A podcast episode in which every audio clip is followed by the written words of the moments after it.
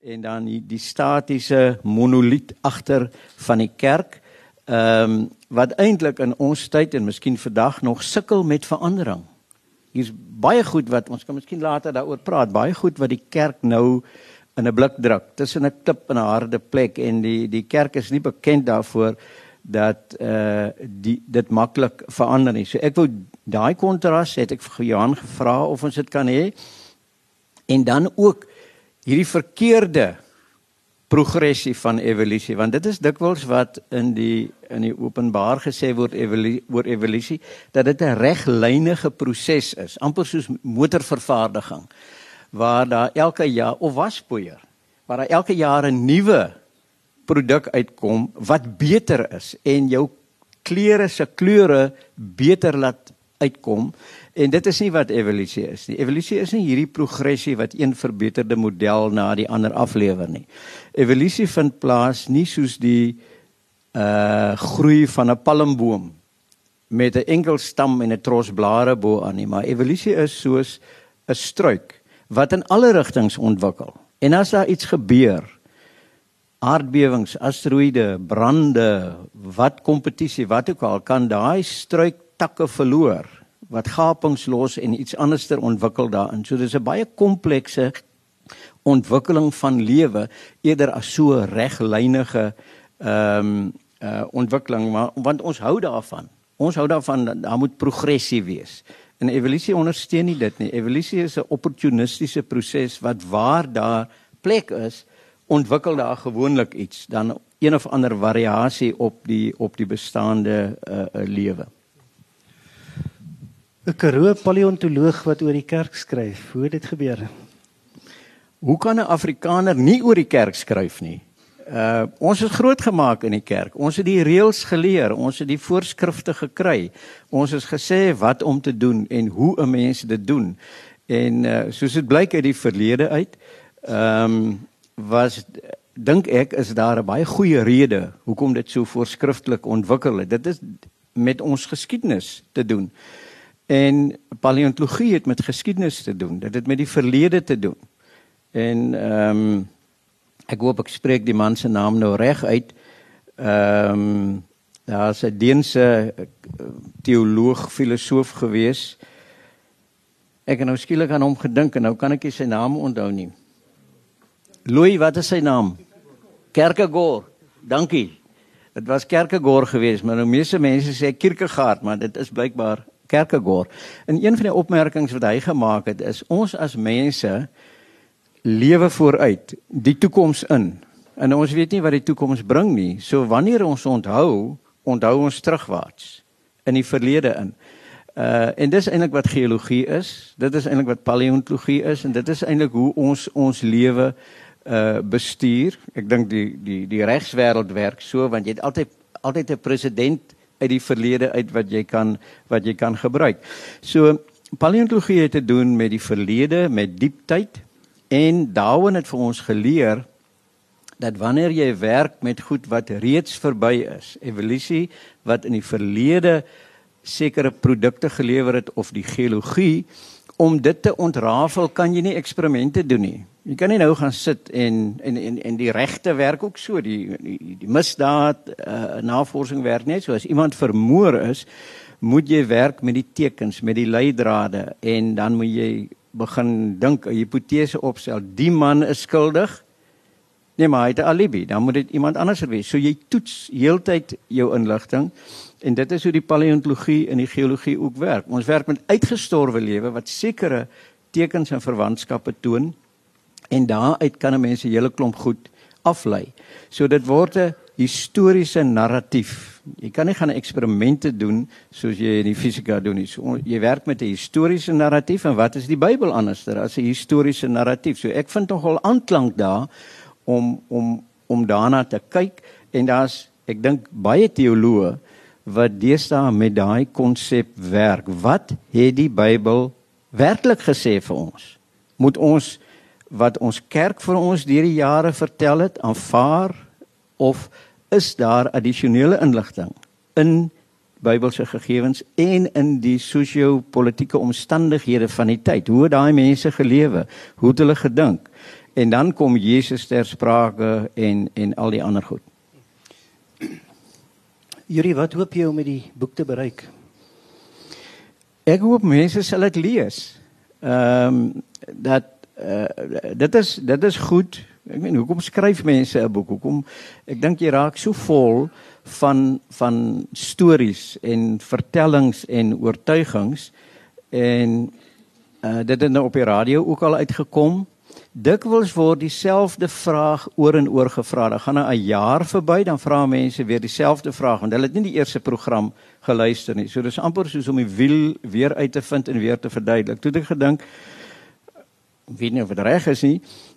Kan 'n mens nie maar die goed alles tussen twee blaaie inprop en as daar dan nou werklik vrae kom, dan kan 'n mens sê maar wil jy nie die boek lees nie. En uh, ek het so 'n ondervinding gehad met iemand hier aan die Weskus. Ek sal nou nie sy naam sê nie want dit reflekteer nie goed op hom nie. 'n uh, Paar jaar gelede het die man vir my ge-SMS en gesê: "Luister, uh, jy sê seker goed op die radio, ons moet gesels." En ons het toe nooit by mekaar uitgekom nie.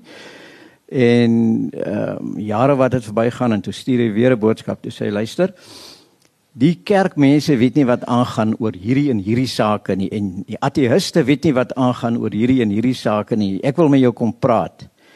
En ek, ek kom toe agter maar hierdie ou het, hy maak dan baie snaakse stellings en ek gaan toe na Louis Jonker toe. Louis jy is hierso. Uh en ek sê vir hom, "Het jy vir my 'n goeie teks oor die Ou Testament? Iemand wat gewerk het met die Ou Testament?" en hy gee vir my die titel en ek SMS vir die man terug. Ek sê luister, lees hierdie boek. Dan is ons albei op dieselfde speelveld. Dan kan ons gesels met mekaar. En hy stuur 'n SMS terug. Hy sê nee man. Sê sou maar gou vir my wat in die boek staan, dan praat ons. Toe SMS ek weer terug. Toe sê ek lees die boek. Toe SMS hy terug. Jy klink nou net my eksvrou en ek SMS weer terug lees die boek en ek het nog nooit weer van hom gehoor nie en uh, ek dink uh, Chris het dit seker ook al ondervind as mense iets sê wat iemand dalk dink jy's verkeerd of hy stem nie met jou saam nie ehm um, wil hy dikwels in 'n gesprek tree sonder om van dieselfde inligting gebruik te maak en dit raak half vertiel so ek het gedink en hopelik het Naledi uh, my ondersteun. As ek dit nou tussen twee blaaie gesit het, dan kan ek as iemand nou werklik waar ernstig raak hieroor, dan kan 'n mens sê lees eers die boek. So ek hoop die boek gaan gelees word. Uh, dankie Juri, ek wil uh, met 'n volgende vraag by jou hoor. Hoe kyk jy na godsdiens? Ehm um, dink jy daar's plek vir godsdiens in die wêreld? En ehm um, Hoe het godsdienst volgens jou ontstaan? Chris, uh, ek het spesifieke idees daaroor want uh, ek probeer dit beredeneer uit 'n vanaf 'n biologiese agtergrond. En ek dink uh godsdienst of 'n geloof in die bonatuurlike is 'n uh, iets wat in alle kulture voorkom. Uh en na my wete uh, kan jy na enige kultuur dwars oor die wêreld kyk en daar is een of ander gebruik, 'n kultuur, 'n optrede. Mense kan jouself voorstel, mense wat in Nieu-Guinea in die woude bly voor hulle gaan jag, het hy dalk 'n klip of 'n boomstomp wat hy by gaan staan en hy praat of hy dink daaroor om 'n goeie jagtog te hê of uh, genoeg kos te kan versamel vir sy familie so en ek weet daar is van my vriende wat nie met my saamstem nie en dis hulle goeie reg, maar ek dink die die geloof of die gedagte dat daar iewers 'n bonatuurlike entiteit is, dink ek is universeel in in in die menslike siege. En ek dink ek het ook 'n rede, ek kan 'n rede verskaf daarvoor en ek dink die rede is ook biologies. Want ons kan nie meer vandag ontken dat ons uit primate afgestam het nie. Daar's fossielreekse baie beter is hierdie prentjie op die voorblad wat vir ons duidelik wys hoe ons ontwikkel het anatomies uiteindelik kognitief ehm um, uit primate uit. En as 'n mens nou dink sien nou maar aan Australopithecus naledi of selfs Homo erectus wat maar 'n klein breintjie gehad het, bietjie groter as 'n sjimpansee, Homo erectus was dan nou bietjie groter en jy leef op die savannas in Afrika. En die is bekend vir donderstorms en weerlig en reën en al sulke goed. En jy's onderhewig daaraan. As dag dit reën en dan groei gras, dan kom die wildsbokke en jy kan eet. Uh as dit droogte is, ly jy honger. As daar 'n weerligstraal slaan, dan uh, brand die veld en dan moet jy weghardloop. Maar as jy agterna terugkom, dan lê hier nou diere wat uitgebrand het, wat lekker ruik en ook lekker smaak. So ek dink dit was 'n baie klein stapie van daardie soort ontwikkeling tot verdere breinvergroting om dan op te kyk en te sê wat gaan hier aan? Want hier kom goed van bo af en dit klink asof daar bo ook iemand is wat praat met 'n bulderende stem.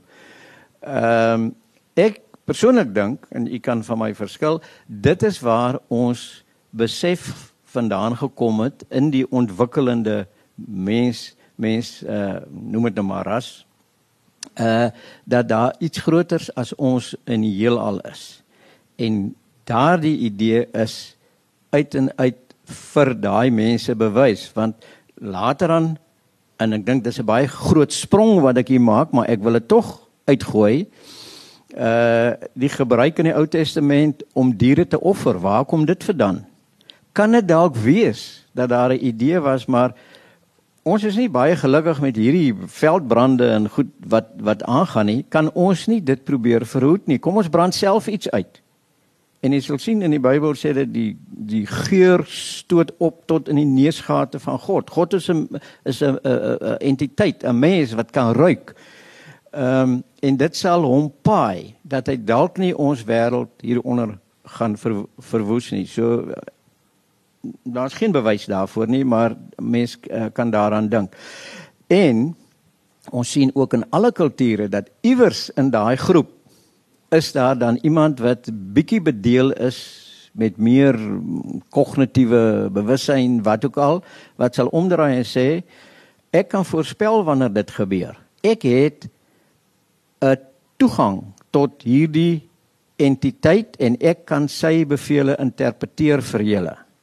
Uh ek het nou eendag 'n baie interessante gesprek gehad met mevrou Rust wat die uh, boekie geskryf het oor die san tekeninge en die soort van goud. Toe sê sy vir my hulle het na al hierdie plekke toe gegaan ehm um, en gevind dat dit dikwels in valleie is waar jy bo in die vallei sekere tekeninge uh, het en uh, en uh, daar was eendag 'n man saam met haar wat nou uh onderlê was in hierdie idee van die sjamaan.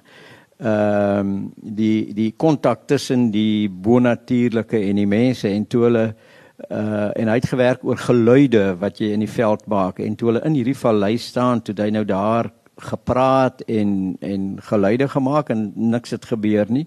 Toe hulle onder in die vallei kom terugkom toe sê die mense wat het daar bo aangegaan? Hier het 'n geweldige stem van bo af gekom. En toe hulle heel onder kom waar die motors geparkeer is toe die mense dit selfs nog beter gehoor.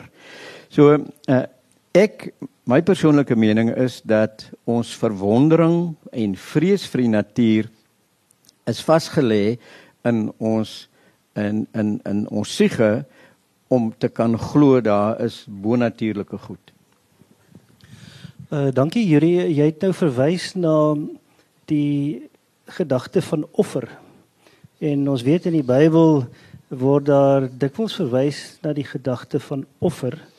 Ehm um, dink jy die hele gedagte van offer kan 'n rol speel in hedendaagse geweld uh wat ons beleef en ervaar?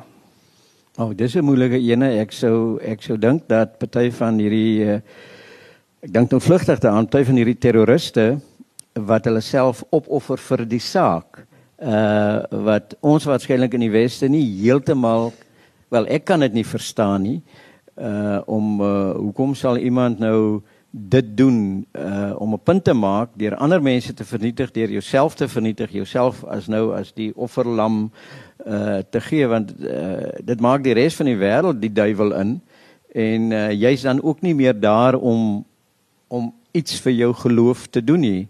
Uh ek het 'n uh, vriend ehm um, 'n moslim vriend toe vra ek vir hom eendag maar as jy nou vir die vir die geloof sterf Glo jy hierdie storie van die 70 maagde of die 72 maagde wat vir jou in die hemel wag? Toe sê ag man, dis nonsens. Dis dis dis twak. Ehm um, ek dink nie ons is uh in die weste is so ingestel nie om uh jy um, jy wil lewe vir jou land of vir jou geloof en nie en, en, en nie die hoogste offer bring nie alhoewel dit natuurlik in ons verlede is is dit selfs in die volkslied uh ingebou dat ons sal lewe, ons sal sterwe vir jou Suid-Afrika. Maar ek weet van niemand wat lus is om te sterwe nie. Elk geval nie vir die huidige Suid-Afrika nie. Uh dankie Yuri. Uh, jy het nou nog net die woord vrees gebruik en ek dink nou sommer net aan die rol uh van vrees in godsdiens. Dit uh, mense spot baie keer of uh, maak 'n grappie en sê baie jare terug ehm um, tydens die Pinkstertyd.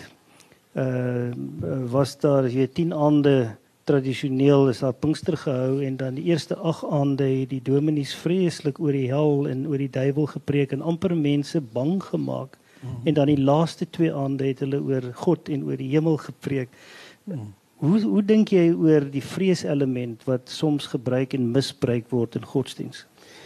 Ek dink uh, dis eintlik baie ongelukkig want uh, in die afgelope aantal jare het daar heelwat boeke verskyn oor uh, mense wat skryf oor hulle ervaring met die kerk en uh daar het 'n boek uitgekom met 'n hele klomp artikels. Ek dink die boek se naam was Hier staan ek en ek kan nie sê wie ek is nie.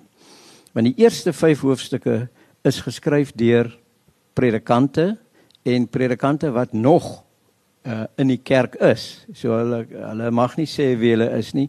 En in baie van daai stukke gaan dit oor hierdie vrees. Hoekom moet 'n mens as jy 'n uh, 'n geloof het in vrees lewe? Want aan die een kant word vir ons verstel van die liefde van God en die liefde van Jesus, maar dan aan die ander kant het jy die toorn van God en ek is 'n jaloerse God wat die misdaad van die vaders besoek in die derde en die vierde geslag.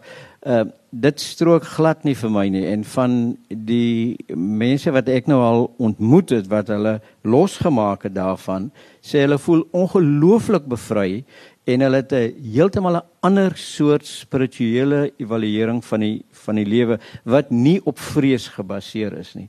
So ek dink nie dat uh die die die die ou manier van hoe ek in die kerk groot geword het dat jy met jy word met vrees hemel toe gejaag. Ehm um, dit werk nie vir my nie en ek kan nie dink dat dat dit so moet werk nie en dan die volgende is God is liefde. Ehm um, So ek dink daar is maniere om jouself daarvan te bevry. Uh daar is maniere dink ek wat die kerk sal moet verander om 'n ander inslag te hê want die oorwegende inligting wat ons vandag het is juis dat ons as mense is deel van die kosmos. Ons is deel van die aarde. Ons is nie hierdie spesiale kroon van die skepping wat onaantastbaar hier sit. Ons kan die aarde met sy hulpmiddels en sy bronne opgebruik en uitwis met oopgroefmyne want ons gaan ons hemel toe dan gaan ons op 'n ander plek wees. En die manier hoe dit vir ons voorgestel is van 'n hemel en 'n hel en daai goed het ons vir soetkoek opgeëet. En ek vrees en ek probeer dit wys in die boek dat daai goed bestaan nie. Ons moet 'n manier uitwerk om hier op aarde te bestaan. Hierdie ek gaan een vraag vra en dan wil ek graag geleentheid gee net so vir drie kort vrae.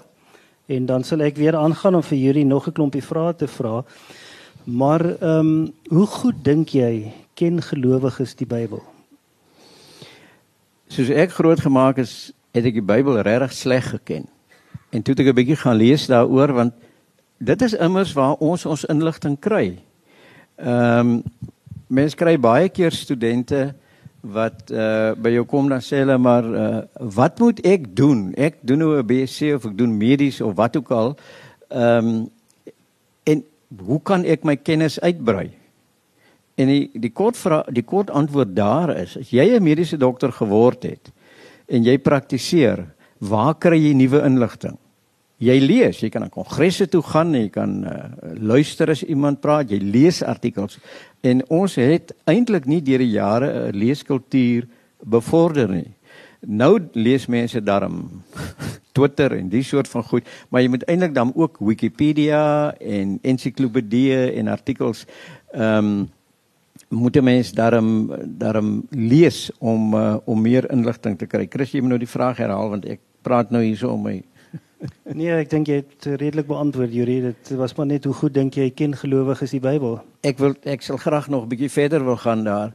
En een van die boeke wat ek gelees het is van 'n Amerikaanse uh teoloog met die naam van Bart Ehrman. Sy boeke is vrylik beskikbaar. Hy het begin as 'n kreasionis, 'n uh, Bybelgelowige wat elk alles geglo, die Bybel is elke jota en titel is waar, die 6 dae, die hele storie. En uh soos sy studies gevorder het, het hy agtergekom maar daar is ander goed. Jy moet rondom die Bybel lees. Jy moet jy moet jy moet meer weet. En sy opmerking in een van sy boeke is: Die Bybel is die topverkoper in die wêreld van alle boeke. Word gekoop en gedruk. Dit is die boek volgens hom wat die mense die minste verstaan en ook die minste lees nie net hulle lees versie hier en 'n versie daar en dis alles reg, maar hulle lees nie die Bybel as literatuur nie. En ons weet dit, een van sy voorstelle wat hy maak is dat as mense die evangelies lees, begin jy voor en jy lees al vier en dit is 'n mooi naatlose geheel, 'n pragtige storie. Hy sê jy moenie dit doen nie. Jy moet die evangelies langs mekaar sit. En dan lees jy wat sê Matteus, wat sê Markus, wat sê Johannes, oor dieselfde onderwerp en dan kom die verskille uit. Dan sien 'n mens dat die evangelies is in ander tye geskryf vir ander mense. So die een mag wees vir hierdie gehoor en die een mag wees vir daai gehoor. Daar word goed uitgelaat. Uh miskien omdat die skrywer wou klem lê op dit of dat, maar dan is daar ook weersprekings in die evangelies. En as ons regtig die Bybel wil lees en ons wil kyk wat in daai stuk literatuur staan, dan moet 'n mens daai goed met mekaar vergelyk en dan sien jy maar hier's hier's diskrepansies. Hier's goed wat nie pas nie. En dit werk natuurlik so dwars deur die Bybel. Dankie Juri, ek dink ons gee vinnig kans net vir drie kort opmerkings of vrae en dan kan ek verder gaan om vir Juri 'n paar vrae te vra. Is daar miskien iemand op hierdie stadium wat graag 'n vraag wil vra of opmerking wil maak. Uh daar agter asseblief. Uh ek moet my nou daar beroep op die Ou Testament dat ehm um, die Ou Testament het nie 'n hel nie. Daar's ook nie 'n hemel nie. Jou beloning in daai tyd vir die vir die Israeliete was om 'n goeie lewe op aarde te lei. Hulle praat van 'n van 'n onderwêreld en en en dis soort van ding, maar daar is nie die konsep van 'n hemel en 'n hel nie.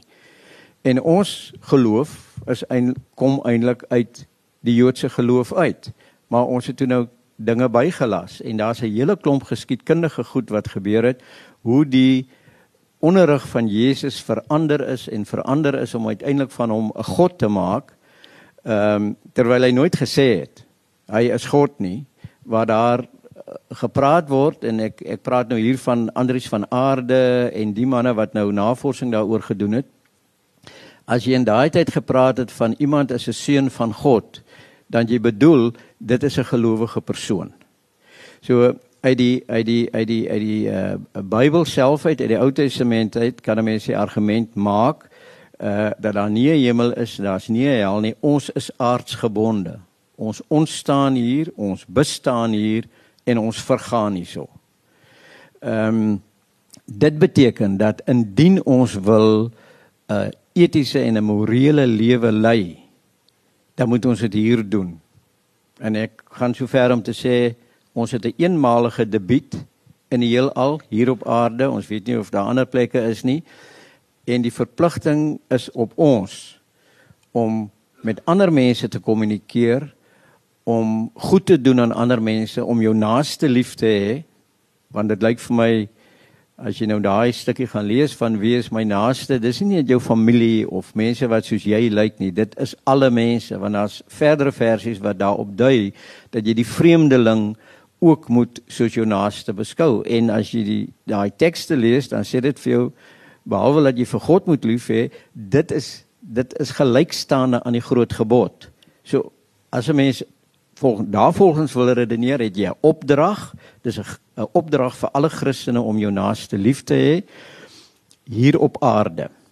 En as jy uit die biologiese kant uit kyk, is dit baie moeilik of selfs uit die geologiese kant wat die sonnestelsel daarom nou al redelik goed ken om te sê waar is die hemel?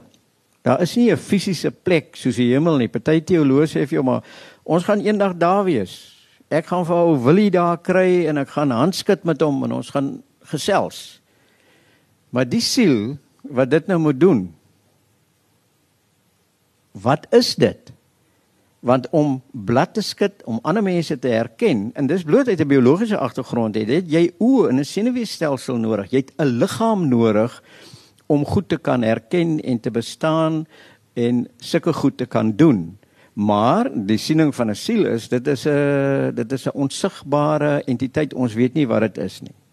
En verder uit die biologiese oogpunt uit is dat die neuroloog wat die brein bestudeer allerlei eksperimente gedoen het en hulle sê vir ons as hierdie pragtige boek van Dick Swab met 'n B nie 'n P nie van van Nederland. Hy's 'n hy's 'n hy's 'n neuroloog. En al die aanduidings wat hulle het van hoe die brein werk is dat as die senuweeselle gaan staan, dan is daar niks oor nie. Dan is daar nie 'n 'n onsigbare entiteit nie. Nou ek dink dit sal vir baie mense baie skokkende inligting wees.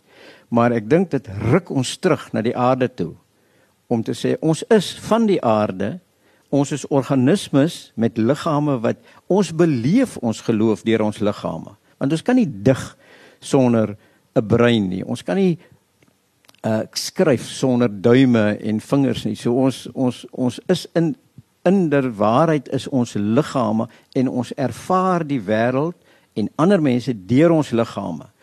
So die die my opinie, ek sê dit is net 'n opinie, is dat ons bestaan as entiteite tydelik op aarde en as ons wil goed doen, moet ons dit nou doen.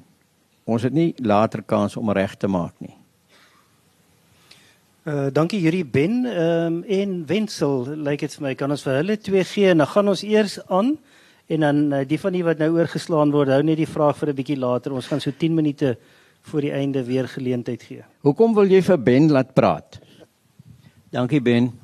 Altyd goeie vraag om uh, om te vra. Ja, ek probeer dit behandel en ek is daarom nie alleen nie want daar is teoloë wat ook al daaraan gedink het.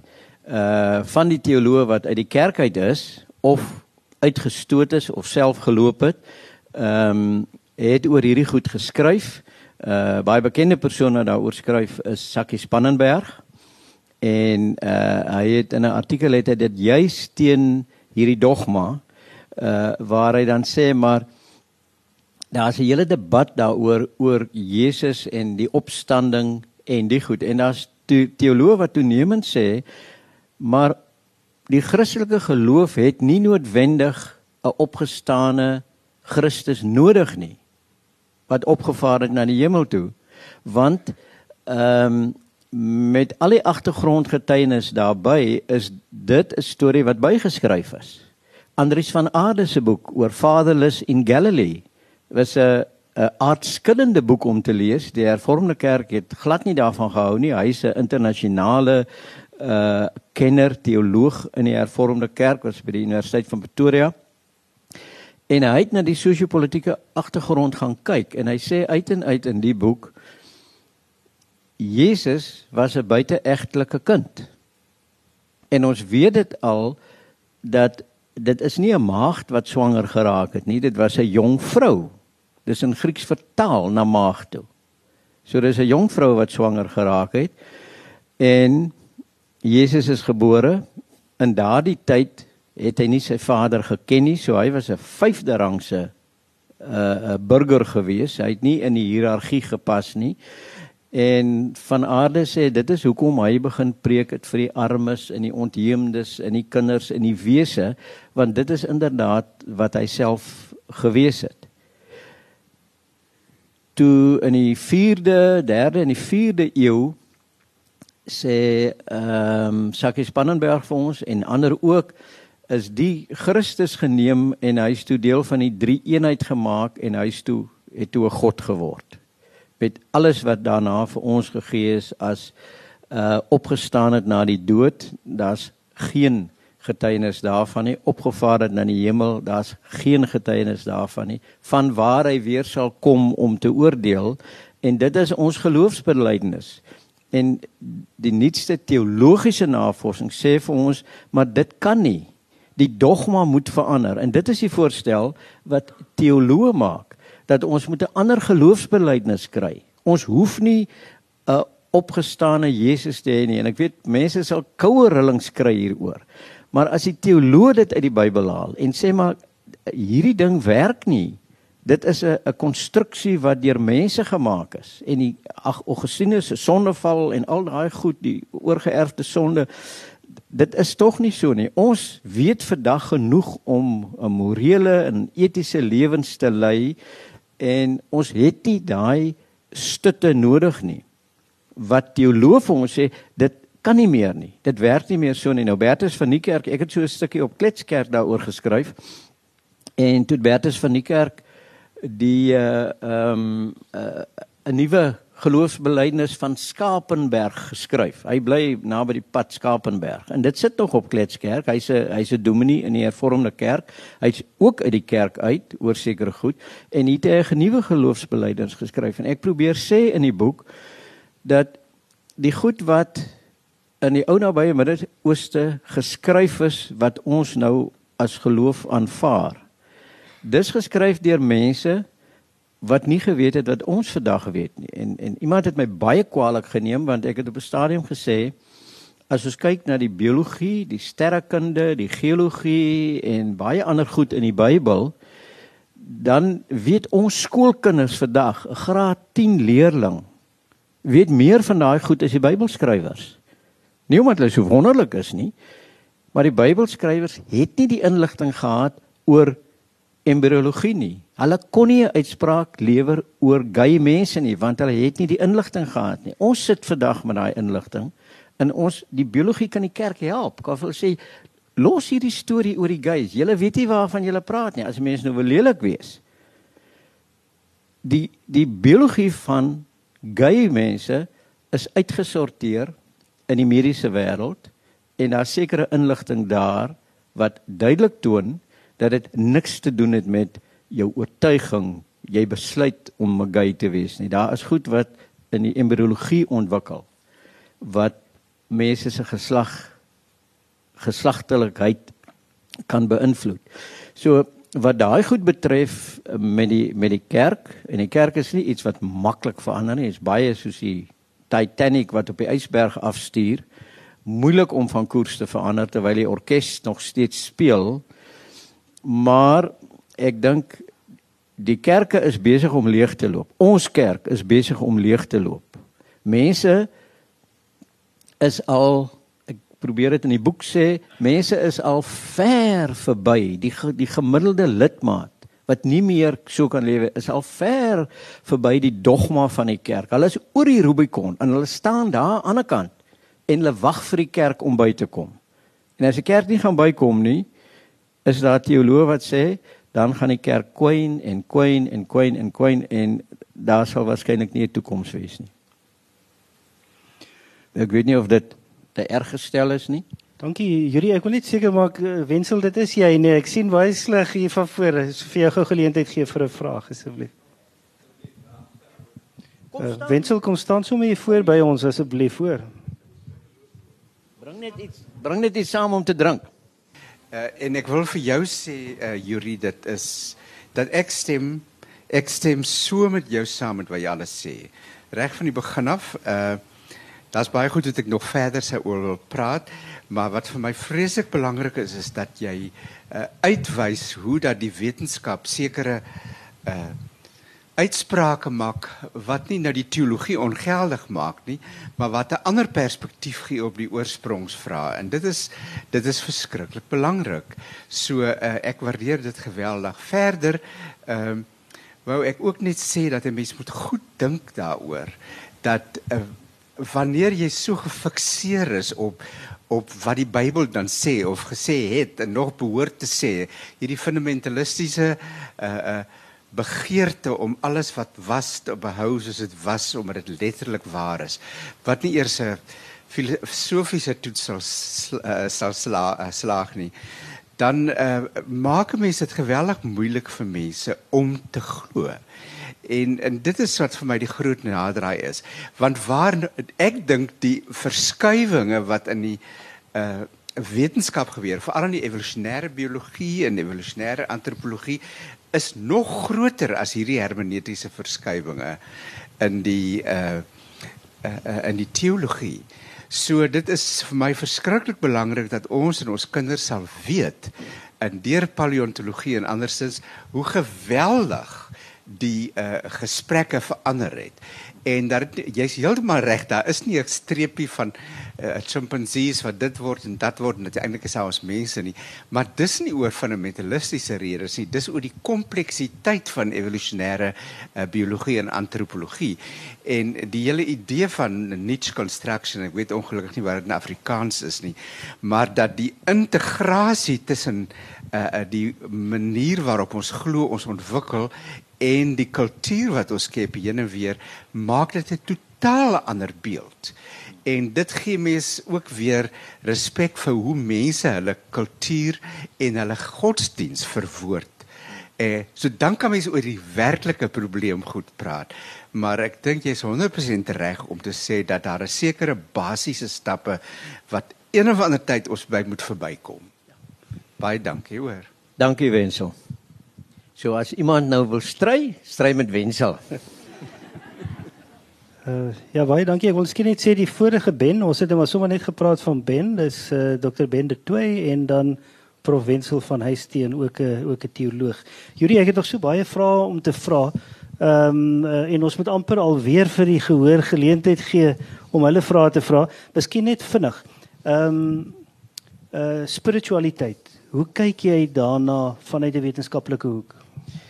Chris, dit is 'n baie baie interessante onderwerp en het ehm um, uh baie onlangs goed begin lees van uh teoretiese bioloë en teoretiese fisici. Nou nie om ek kan nie die fisika verstaan nie, maar 'n mens kan agter die kap van die byl kom.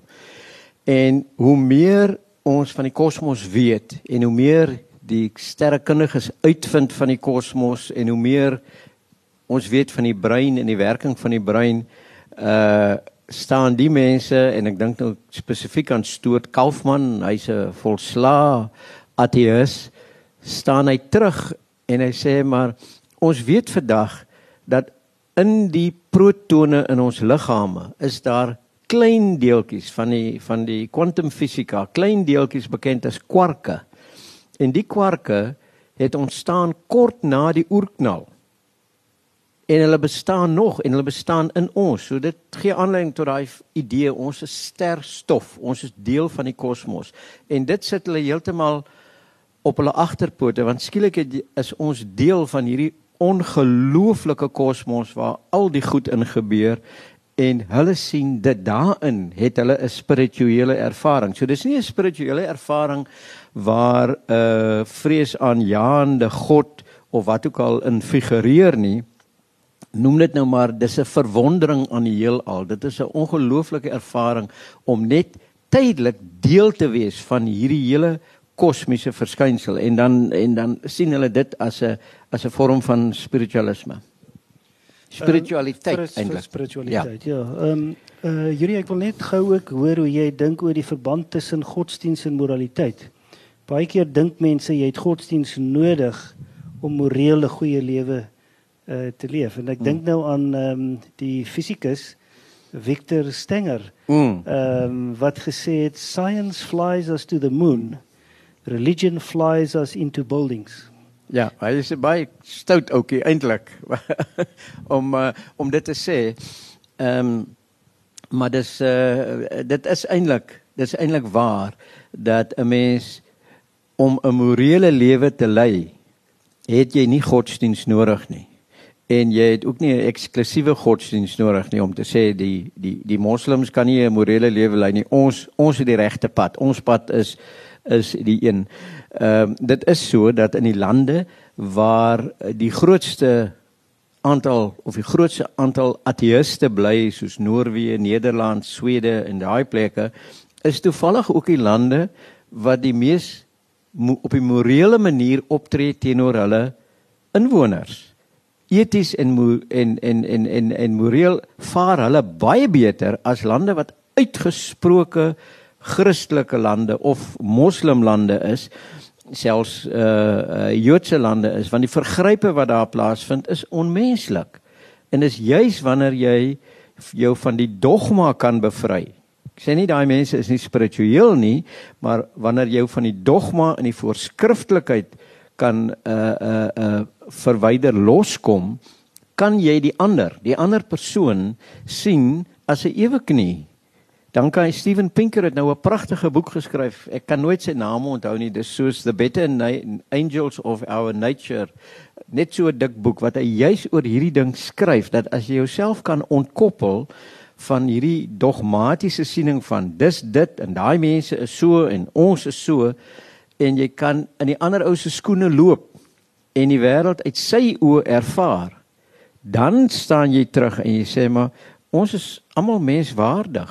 Ek moet my naaste lief hê en ek moet teenoor daai mense optree as hulle 'n morele eh, leefstyl het, moet ek so met hulle optree. So ek dink ons kan moreel en eties 'n fantastiese samelewing skep. Jy kan dit met godsdienst doen, maar dit is nie nodig nie. Ek sou graag vir jou uh, wou 'n bietjie uitvra oor ekomoraliteit, maar ek dink ons moet dit los behalwe as jy dit in 'n sin of twee iets daaroor wil sê, maar ek wil eintlik uitkom hierdie voor ons weer na die gehoor toe gaan. Ehm um, hoe dink jy oor lyding? Ehm um, het evolusie 'n gewete? Nee, evolusie het nie 'n gewete nie. En uh, leiding is natuurlik 'n groot probleem vir die kerk want hulle kon nog nooit hierdie idee van teodisie leiding oplos. Hoekom is daar leiding in die wêreld? En as as baie goed al gesê nee, maar jy moet lei sodat jy kan God vrees. Ehm um, hierdie stories werk nie want ehm um, Charles Darwin en en en die geoloog Lyell wat vir ons hierdie diep tyd gegee het, hierdie historiese narratief het eintlik die probleem vir die kerk baie baie vererger want nou jy nie, nie net lyding gehad oor 6000 jaar nie jy het nou lyding oor miljoene jare. En nie net lyding van mense nie maar lyding van diere wat wat doodgaan wat vertrap word wat geëet word. En die diere word glad nie aangespreek in die in die Bybel nie want nou jy kognitiewe diere, jy het soogdiere, jy het uh, diere met 'n bewussyn soos olifante en papegaaie en die goed, hulle kan pyn ervaar en hulle deur miljoene jare het hulle gelei. Met geen resultaat nie want dis net ons wat kan hier ons lei en dan kan ons hemel toe gaan. So hierdie onbeheerste leiding van die diere klink totaal verkeerd. Uh uit 'n biologiese oogpunt is dit hoe evolusie werk. Evolusie het nie 'n gewete nie. Jy leef jy plant voort jy eet of jy word geëet. Uh so jy's reg daar is nie uh, gewete en evolusie nie en ons moet met daardie wêreld saamlewe. Dis die wêreld wat ons in leef en ons moet dit kan verwerk. En ek kan dit seker nou maar hier so sê. Forrest Gump het daai pragtige uitdrukking in die fliek wat hy doodgewoon en dit het 'n spreekwoord geword. Hy doodgewoon gesê shit happens. Is wat die fliek gesien het, jy sal dit uh, jy sal dit onthou. So Uh, dankie uh, Louis, asseblief. Uh, kan ek sien is daar nog 'n aanduiding? Dan kan ons uh, sommer miskien twee saamgooi. Uh, Yuri, as dit reg is, ek weet uh, Louis en uh, miskien nog iemand. Kom ons gee vir Louis dan kans. Ek ken nou toevallig vir Chris al 'n redelike tydjie en uh, hy was 'n predikant op Ceres gewees en op hierdie stadium sal ek hom met enigiets vertrou. Maar ek ek ek ek dink net eh, jy jy jy het 'n goeie punt, maar uh hopelik kan 'n mens sê dat die die die skrywer moet 'n mens eintlik nie ag nie as daar iets op die tafel gesit word en 'n mens lees dit, dink ek moet jy dit beoordeel teen die beskikbare inligting. So baie van die idees is nie myne nie, maar dis Andries van Aarde. Jy het self ook bygedra aan die boek, jy weet dit net nie. so ek het ek het probeer om myself uh te regverdig deur dit so te doen. Dankie Louis. Nou goed, nou wil ek die heel eerste woord in die Ou Testament begin met in die begin. Nou wil ek by daardie in in die begin hoe ontstaan materie? Nou ek het um, 'n dik boek um, gekry van 'n Amerikaanse fisikus. Uh ek het die uh, die subtitel is Why there is something and not nothing. Rather than nothing, ja. Dit is dit.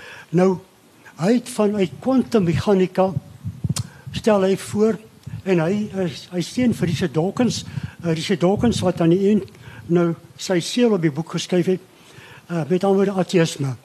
Met antwoorde vanuit kwantummeganika waar hy dan voorstel dat in die ontsaglike ruimte daar nie heeltemal niks nie.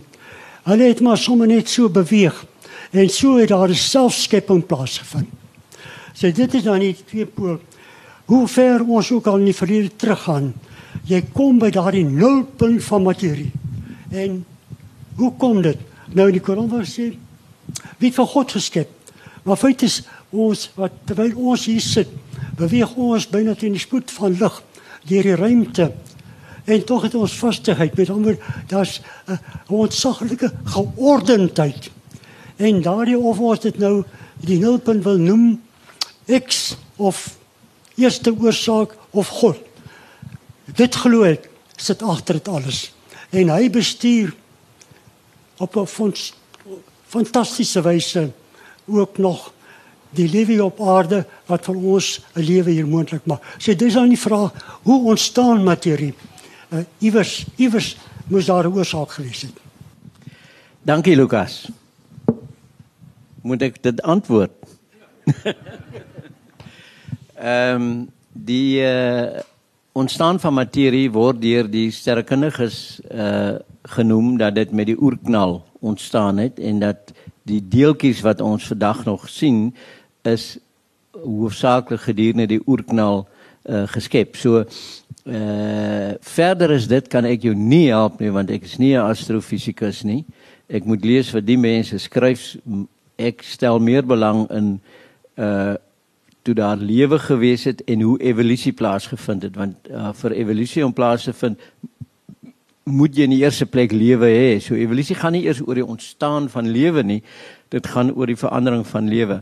Maar ehm um, uh dis 'n geldige vraag wat jy vra en my antwoord kan net wees met die oerknal.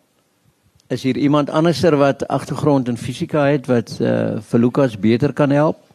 Jurie Ja, dankie uh, prof Lukas. Ons ons ons hoor die punt. Ek moet ongelukkig stop want uh, daar is 'n volgende ehm um, bespreking net hierna. Ons wil net vir elkeen van julle baie dankie sê dat julle kom luister het en lekker deelgeneem het. Yuri, uh, baie dankie vir jou. Ehm um, Yuri gaan buite wees as daar van nie is wat boeke wil koop en dat hy dit moet teken. Ehm um, hy gaan daar iewers in die voorportaal wees. En ek wil tog vir julle aanmoedig, koop die boek en lees dit. Daar's baie interessante inligting in. Al sou jy nie met alles saamstem nie, dink ek is daar wonderlike inligting wat elke mens met sy geloof kan integreer. Baie dankie en 'n lekker dag verder. Baie dankie.